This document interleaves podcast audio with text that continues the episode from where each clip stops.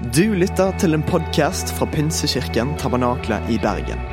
Vi tror at kirken skal være en plass hvor mennesker trives gjennom alle livets faser. En kirke for hele livet.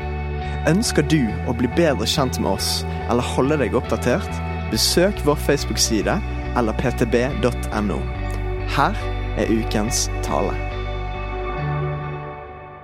Du, Vi må bare starte med å ta opp igjen. Kan jeg få det dåpsbildet opp igjen på skjerm?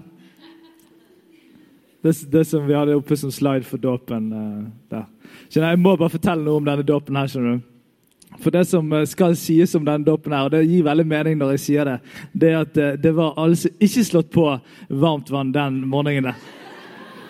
Og Det er litt gøy at de har valgt det bildet, for jeg bare ser Jeg er sinnssykt kald. Og Jeg husker at jeg tok hånd og skulle døpe det, så tenkte jeg sånn Kan jeg gjøre dette? Det var iskaldt, liksom. så bare tau, ned vannet. Men vi lover at neste søndag så er det varmt vann. Eh, I disse kalde tider så er det det. Jeg har til og med prøvd varmtvann i dag fordi mitt eh, vann i huset hjemme har frosset. Så jeg har dusjet her i dag. Bare sånn for å bekjenne det for hele forsamlingen. Fordi at nå er ikke det vann Altså det er et eller annet Når vann blir hardt, så kommer ikke det ut gjennom dusjen. Det er veldig rart. Jeg vet ikke hvorfor det er sånn.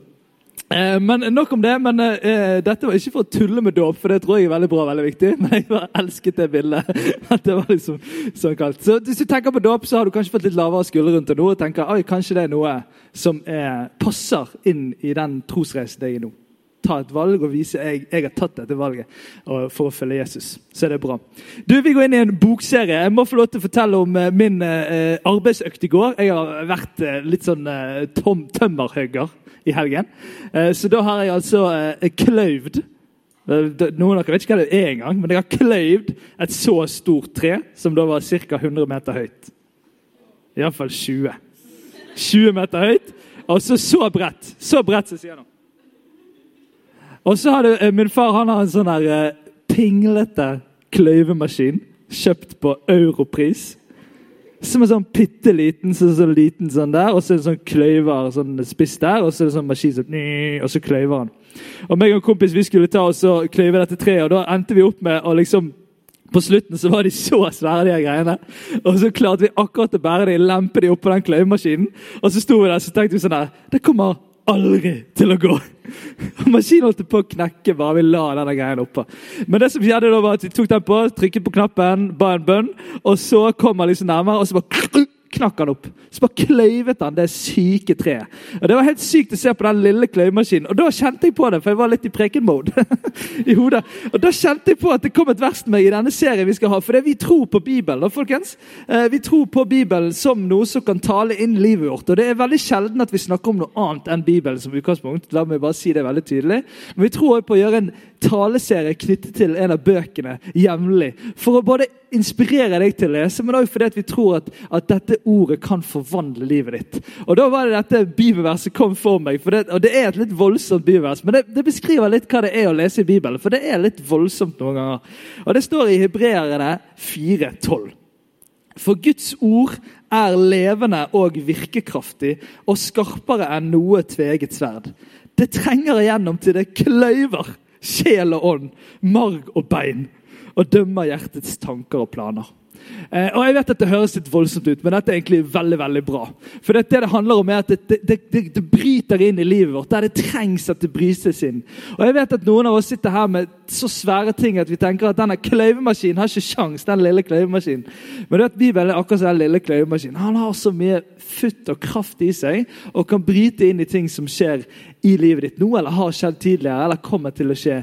Og Det har vi tro for, og vi skal nå få preke dette Johannes evangelium for deg i noen uker framover. Det er en nydelig forarbeid til påsken. For det er et Johannes evangelium som de andre evangeliene handler om å løfte fram fortellingen om Jesus. Hvem var egentlig Jesus?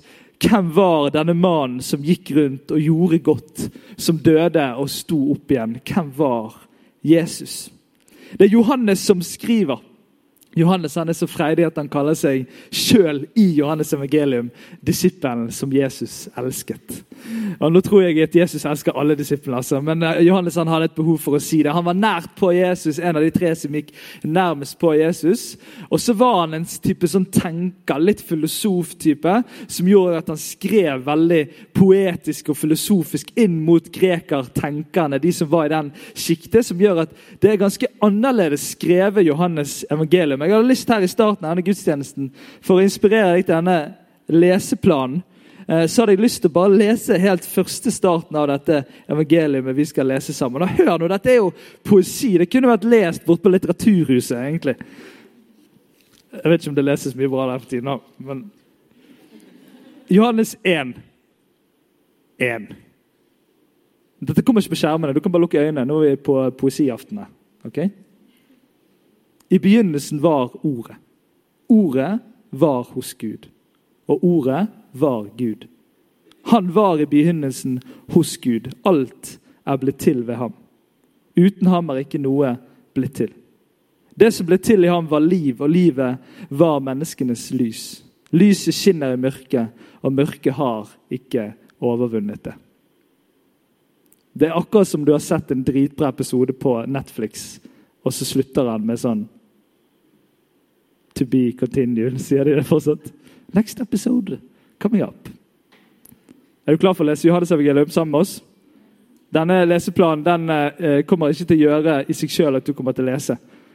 Eh, du må liksom lese fortsatt. Og så må du krysse av når du har lest, og så leser vi sammen dette som kirke. Og Det er ingen som kan lese Bibelen for deg. Har du tenkt over det? Det går ikke an å betale en eller annen til å liksom gjøre det for deg, og så får du det samme. Det er ingenting som kan erstatte den egne tiden du leser i Bibelen. Ingen bra preken, ingen bra podkast, ingen bra kristenlitteraturbok som er skrevet med et spesielt emne som jeg elsker.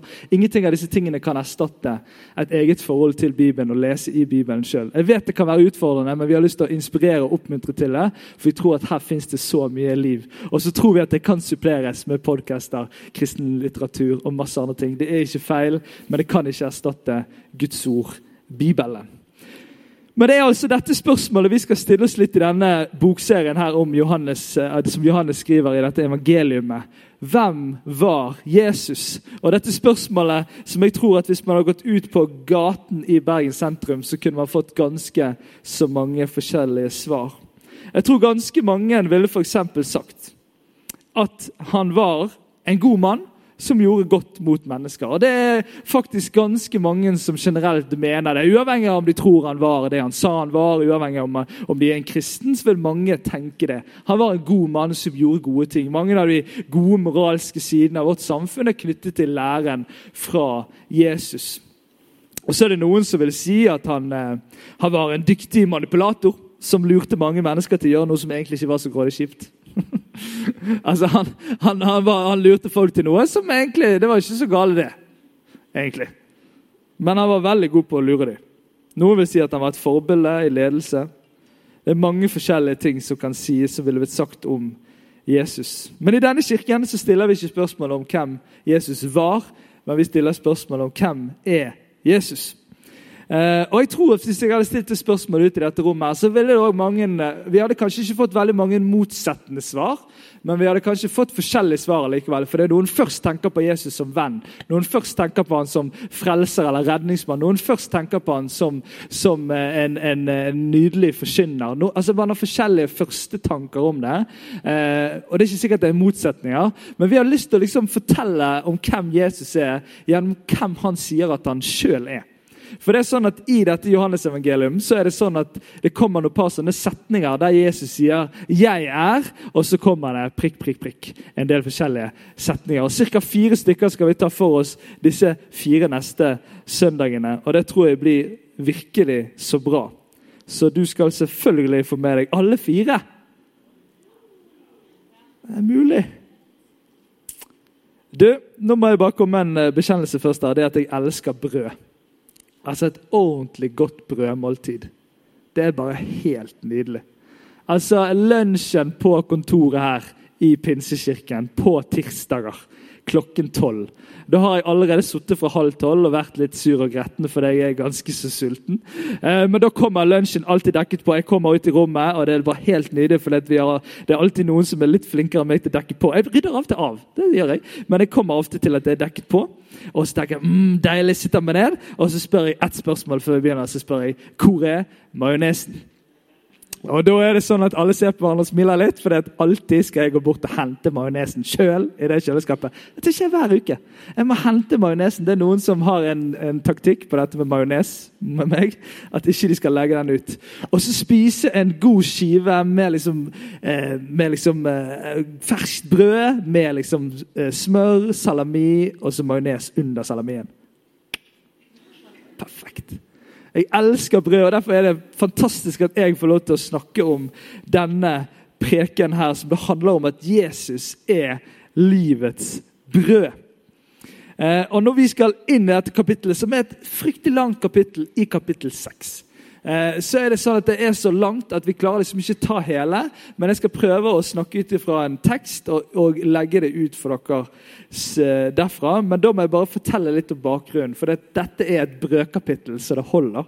Det starter med Er dere med meg? Nå kjente jeg det var action her. Nå kjørte jeg på. Er greit?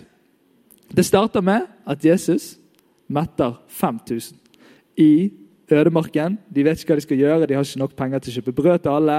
De ser rundt seg, de finner to fisker, fem brød. Jesus velsigner dette opp, og det blir nok mat til 5000 pluss, pluss, pluss. pluss. Så går det en liten stund, så er de ute på sjøen, disiplene, og plutselig kommer Jesus gående mot dem på sjøen. Han har ikke hørt om denne 20-minuttersregelen. Eh, sant? Man kan dø hvis man bader etter man har spist. Ja, det er helt sant. Jeg har hørt at det er en myte òg. Men Jesus gikk opp på vannet, så det gikk greit. Så han går opp på vannet, De tror det er et gjenferd, det går fint, de skjønner at det er Jesus. Og så ender de oppe på en annen plass. Og der er det noen folk som har liksom sett Jesus gjøre dette underet. De har sett her skjer det et eller annet rundt han Jesus. Det er et eller annet spennende, det er et eller annet gøy. Vi oppsøker han, prøver å finne han, de finner tak i han. Og så er det at Jesus svarer på dette i denne teksten vi skal lese sammen her nå, fra Johannes 6, 26 til 35. Jesus svarte, 'Sannelig, sannelig, jeg sier dere:" 'Dere leter ikke etter meg fordi dere har sett tegn.' Da refererer han til dette som skjedde, men fordi dere spiste av brødene og ble mette. Arbeid ikke for den mat som forgår, men for den mat som består og gir evig liv. Den som menneskesønnen vil gi, vil gi dere. For på ham har far, Gud selv, satt sitt seil. Da sa de til ham, 'Hvilke gjerninger er det da Gud vil vi skal gjøre?' Jesus svarte, 'Dette er din gjerning Gud vil dere skal gjøre.' 'Tro på ham som Gud har sendt.' Altså han sjøl. 'Hvilke tegn gjør du, så vi kan se det og tro på deg?' Hva vil du, hva vil du gjøre? Og Så refererer de videre til noe som skjedde i Gamle testamentet, ca. halv måned ut i eh, liksom frigjøringen. De har, Guds folk har gått ut av Egypt, vært fanger, slaver. og Så går de ut i ørkenen, og så ender de opp i ørkenen altfor lenge. Det var en vandring som skulle ta veldig kort tid, som plutselig tok 40 år. Og to og en halv måned uti der så begynner de å bli ganske desperate, og så roper de vi vil heller være tilbake i fangenskapet eh, og dø med mette mager enn å sulte her ute i ødemarken. Og da sender Gud mat fra himmelen, som blir mat til de i den perioden de er ute i ørkenen. Og De refererer da til dette når de leser, sier videre. Eh, våre fedre spiste manna i ørkenen, slik det står skrevet. Brød fra himmelen ga han dem å spise. Så svarer Jesus, sannelig, sannelig, jeg sier dere, Moses ga dere ikke brød fra himmelen. Det er min far som gir dere det sanne brødet fra himmelen. Guds brød er det brødet som kommer ned fra himmelen og gir verden liv. De sa da til ham, Herre, gi oss alltid dette brødet. Jesus svarte, 'Jeg er livets brød. Den som kommer til meg, skal ikke hungre, altså sulte, og den som tror på meg, skal aldri tørste. Jesus sier at han er livets brød. Og Det spør første spørsmålet man må stille seg i dette, er om Jesus snakker sant. Er det egentlig sant, det Jesus sier, eller er det ikke sant, det Jesus sier om seg sjøl. Det har faktisk ganske så mye å si. For det, man kan ikke forholde seg til Jesus som en god mann som gjorde gode ting mot mennesker, hvis man samtidig mener at han ikke snakker sant om hvem han er. For det er helt klart at Jesus er så dristig, han sier så tydelig og så mange voldsomme ting om hvem han er, at hvis det ikke er sant, så må han ha vært en ganske forvirret og ganske en mann som hadde ganske store problemer med hvem han egentlig var. Altså Det betyr at han ville vært ganske ute å kjøre hvis han ikke snakker sant.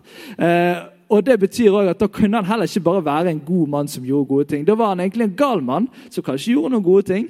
Men det går ikke an å forene de to. Var det sant, eller var det ikke sant, det Jesus sier om seg sjøl? Hvem var Jesus? Hvem er Jesus? Er det sant, det han sjøl sier om seg sjøl?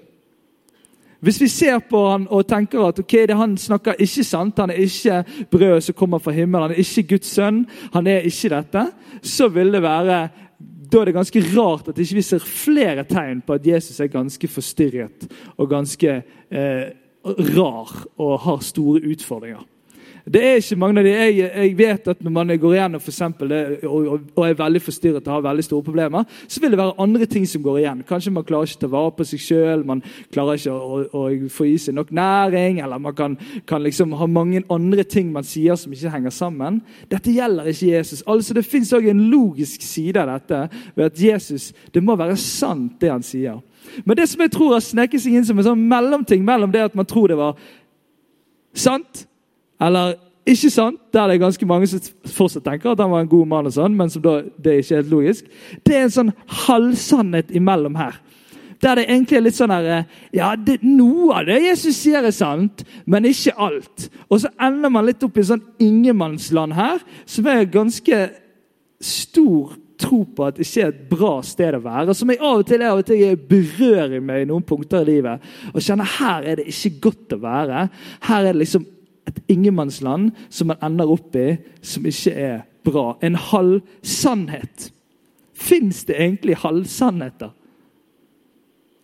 Ja, jeg vet at man kan si liksom noe og si ja, men det fortalte jo ikke hele sannheten. Men det er et eller annet, men fins det egentlig halvsannheter? Og halvsannheter er ganske så vanskelig å forholde seg til. De som hørte på Jesus, de begynte å stille seg spørsmålet. De kjente jo fyren. De, de, de, kjente jo, her eksempel I Johannes 6, 41-42 så står det at jødene murret mot ham fordi han sa 'Jeg er brødet som kommer ned fra himmelen'. Og de spurte 'Er ikke dette Jesus', da? Er ikke det Jesusen? det følte de sa det sånn. Er ikke det Jesusen som bor borti gaten her? Sønnen til Josef og, og, og, og Maria. Vi kjenner jo både faren og moren hans. Hvordan kan han da si at han har kommet ned fra himmelen?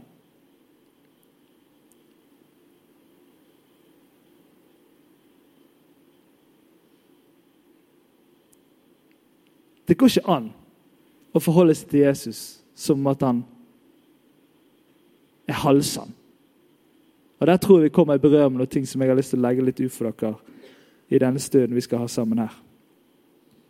Og Jesus stiller egentlig bare ett klart og tydelig krav til disse menneskene som han snakker med i denne teksten vi har lest. Tro på meg.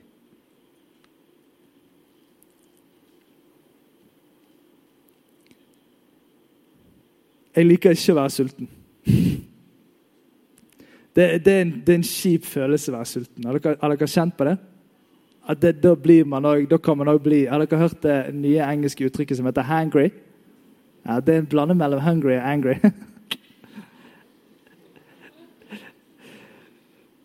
Men sult har vi alle mennesker. Alle kan bli sultne. Alle blir sultne.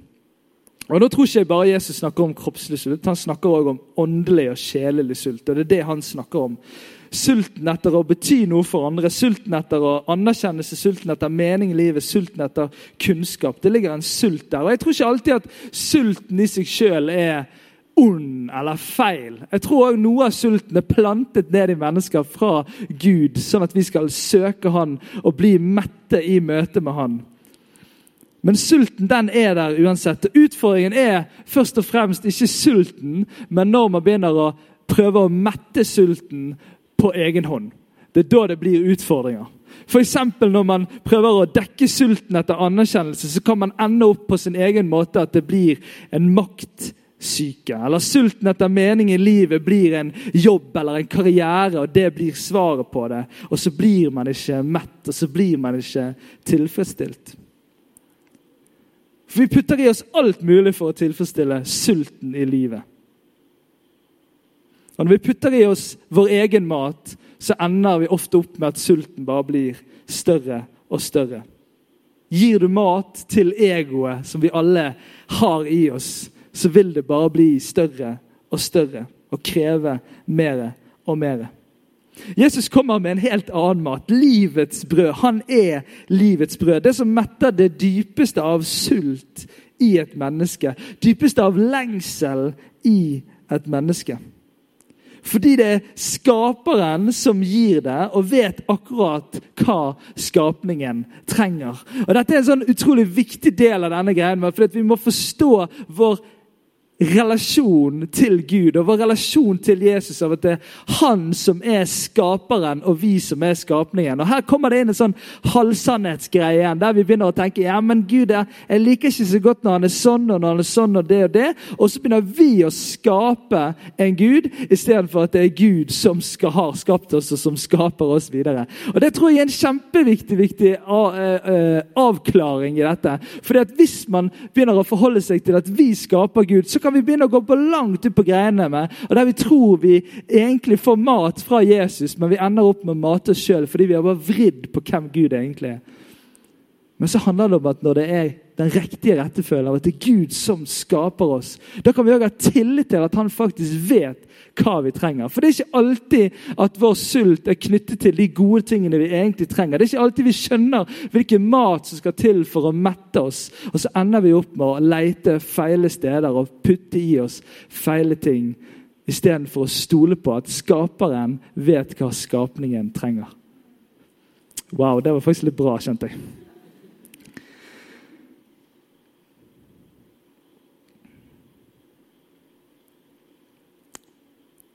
Ok, Jeg må fortsette med, med halvsannheter. Jeg kjente på at det var liksom, litt sånn det vi skulle snakke om i kveld.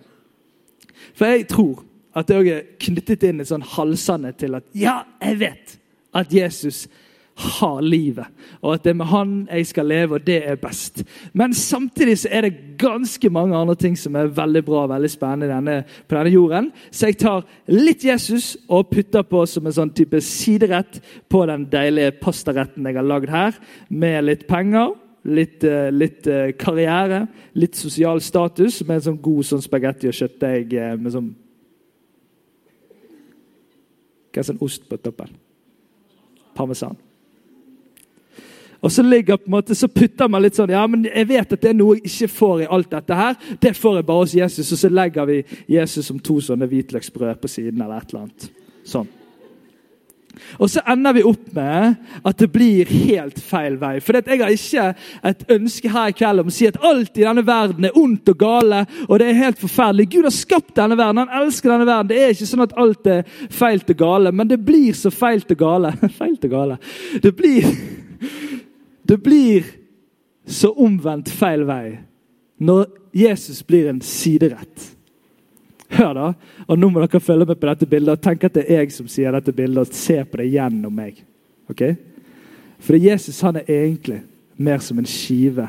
Nybakt brød med smør, majones og salami på toppen. Og da er Jesus brødet. Det er substansen i det måltidet. Altså, Jeg kunne spist bare brødet, og det hadde gått bra. Nå må dere skjønne at brød er ikke kjedelig, det er jo fantastisk. Sant?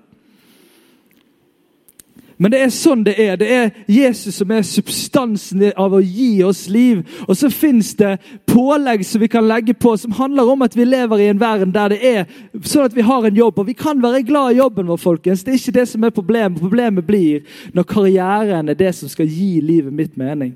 Det som, Hvor mye penger jeg har som skal gi meg verdi, eller sosial status, skal avgjøre om jeg kjenner at min verdi er sånn og sånn.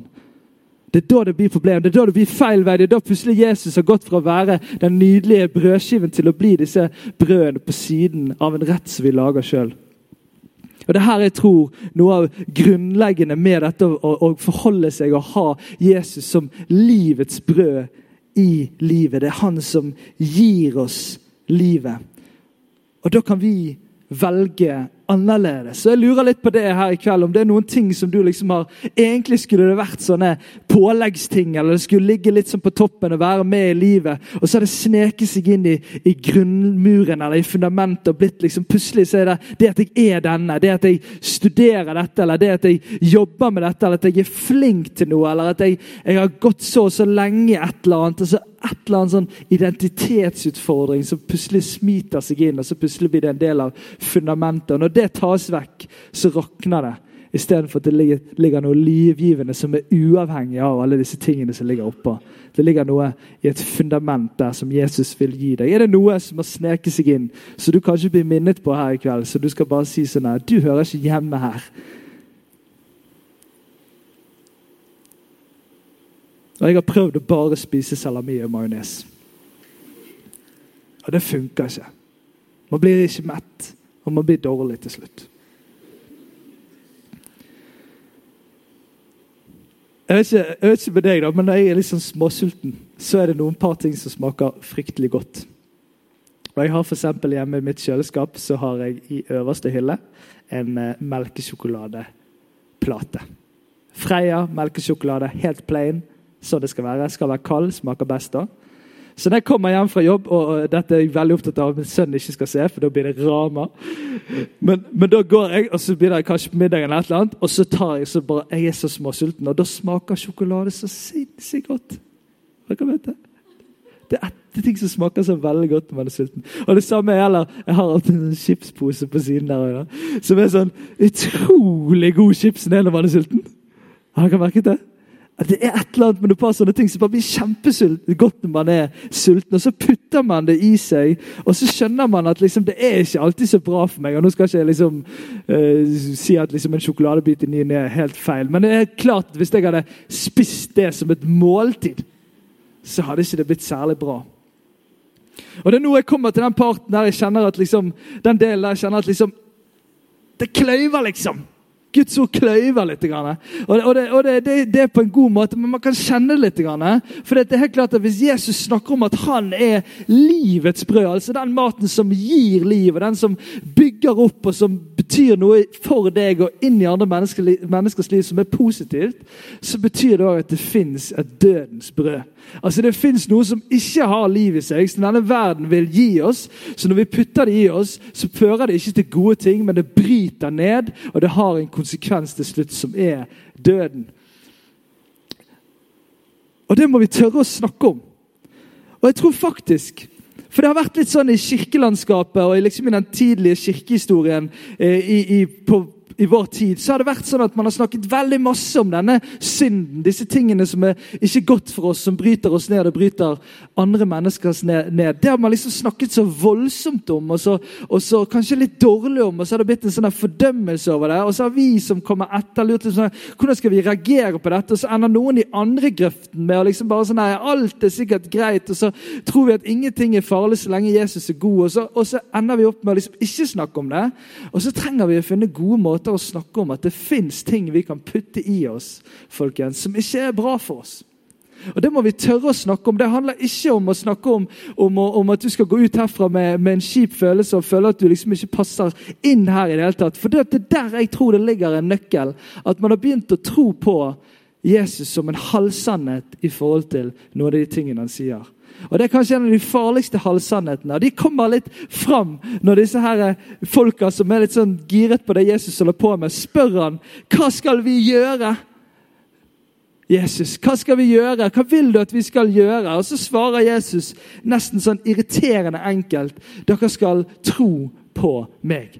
Og så er det akkurat som jeg hører disse typene som er litt søkende og liksom opptatt, så de var sånn Hæ? Det må være mer. De kommer fra konteksten av at liksom, man skal gjøre alt mulig greier for at Gud skulle være fornøyd med dem. Og selvfølgelig kjente de kan ikke bare være så enkelt. Det kan ikke bare være sånn at det handler om at jeg skal tro på deg. Det må være noe jeg skal gjøre mer enn det må være en annen gjerning eller noen flere gjerninger. Og Der kommer den halvsannheten inn som jeg tror veldig mange av oss snikes inn i av og til. Og Det er den halvsannheten av at ja, jeg vet at jeg er helt avhengig av deg, Jesus, men jeg vet òg at jeg må hjelpe litt til når det gjelder disse tingene. Jeg må hjelpe litt til å klare litt sjøl, sånn at det skal gå bra, dette her som du har gjort for meg, Jesus. Sånn at jeg skal ikke bare leve sammen med deg her på jorden, men til evig tid. Men jeg må få lov til å hjelpe litt til. Og så ender man opp med en sånn halvsannhet om hvem Jesus er. Man tror ja, ja, vi skal bare tro, men, men, men. Og så legger man til flere ting.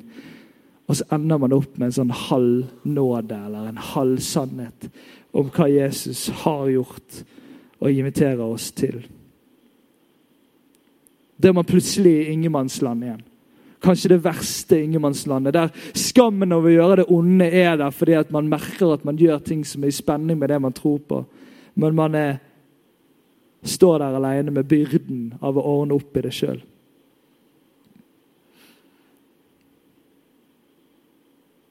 Noen ganger så ender vi opp med dødens brød istedenfor livets brød fordi at vi ikke stoler på det. Vi er ikke helt sikre. Vi tør ikke å, å stole helt på det. Det må være noe annet òg. Jeg òg må gjøre noe. Eller det må det være noen flere ting enn bare Jesus. Og jeg tror Noen ganger så blir vi litt for opptatt av hva vi gjør, istedenfor å snakke om det vi ikke gjør. Og det jeg tror noen ganger er at vi har blitt sultne fordi at vi ikke har vært sammen med Jesus. Og så ender det opp at vi blir sultne og kanskje litt svake. Og så ender det opp med at de fristelsene som kanskje til vanlig er ikke så gale, blir enda større. Jeg merker det på meg sjøl. Når jeg er sliten, så har jeg dårligere impulskontroll. Det er flere ting som blir krevende i livet mitt. Og da kommer det sånne fristelser. Jeg tror ikke den beste måten å kjempe dødens brød Det høres jo voldsomt ut. dette, Går det greit? Bekjempe dødens brød handler ikke om å være så sykt opptatt av hva som er dødens brød hele tiden. og være sånn, å, jeg må ikke, jeg må ikke, jeg må ikke. Men det handler om å fylle seg med livets brød.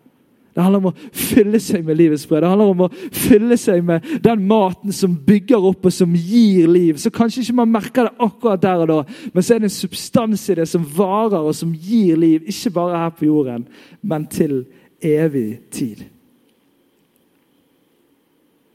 For det er sant, det Jesus sier. Og Det er akkurat som at han roper det ut i Johannes 6, 48-51. Sannelig, sannelig, jeg sier dere, den som tror, har evig liv. Ikke den som tror og gjør, eller tror og fikser, men den som tror, har evig liv. Jeg er livets brød. Fedrene deres spiste manna i ørkenen, men de døde. Det brødet som kommer ned fra himmelen, er slik at den som spiser av det, ikke dør. Jeg er det levende brød som er kommet ned fra himmelen. Den som spiser av dette brødet, skal leve til evig tid. Og det brødet vil jeg, jeg vil gi, er min kropp, som jeg gir til liv for verden. Låserne kan komme fram her, så skal vi gå mot avslutning.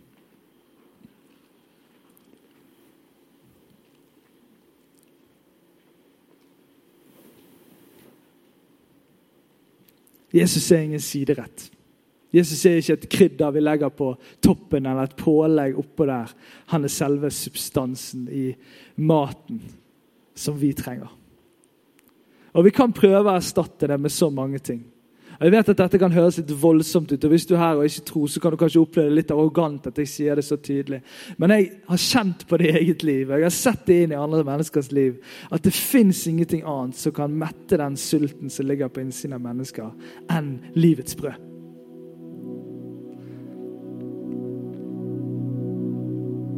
Og vi må tro på det som en fullverdig sannhet. Vi må ikke krydre med det. Vi må ikke ende opp med å legge til det på en søndag eller på en onsdag. Så legger vi til noen gode følelser i møte med Jesus. Det er ikke noe farlig i seg sjøl. Men hvis det bare blir et tillegg, så mister vi noe av det grunnleggende, av det livet som gis til oss. Livet i oss og livet gjennom oss til andre mennesker.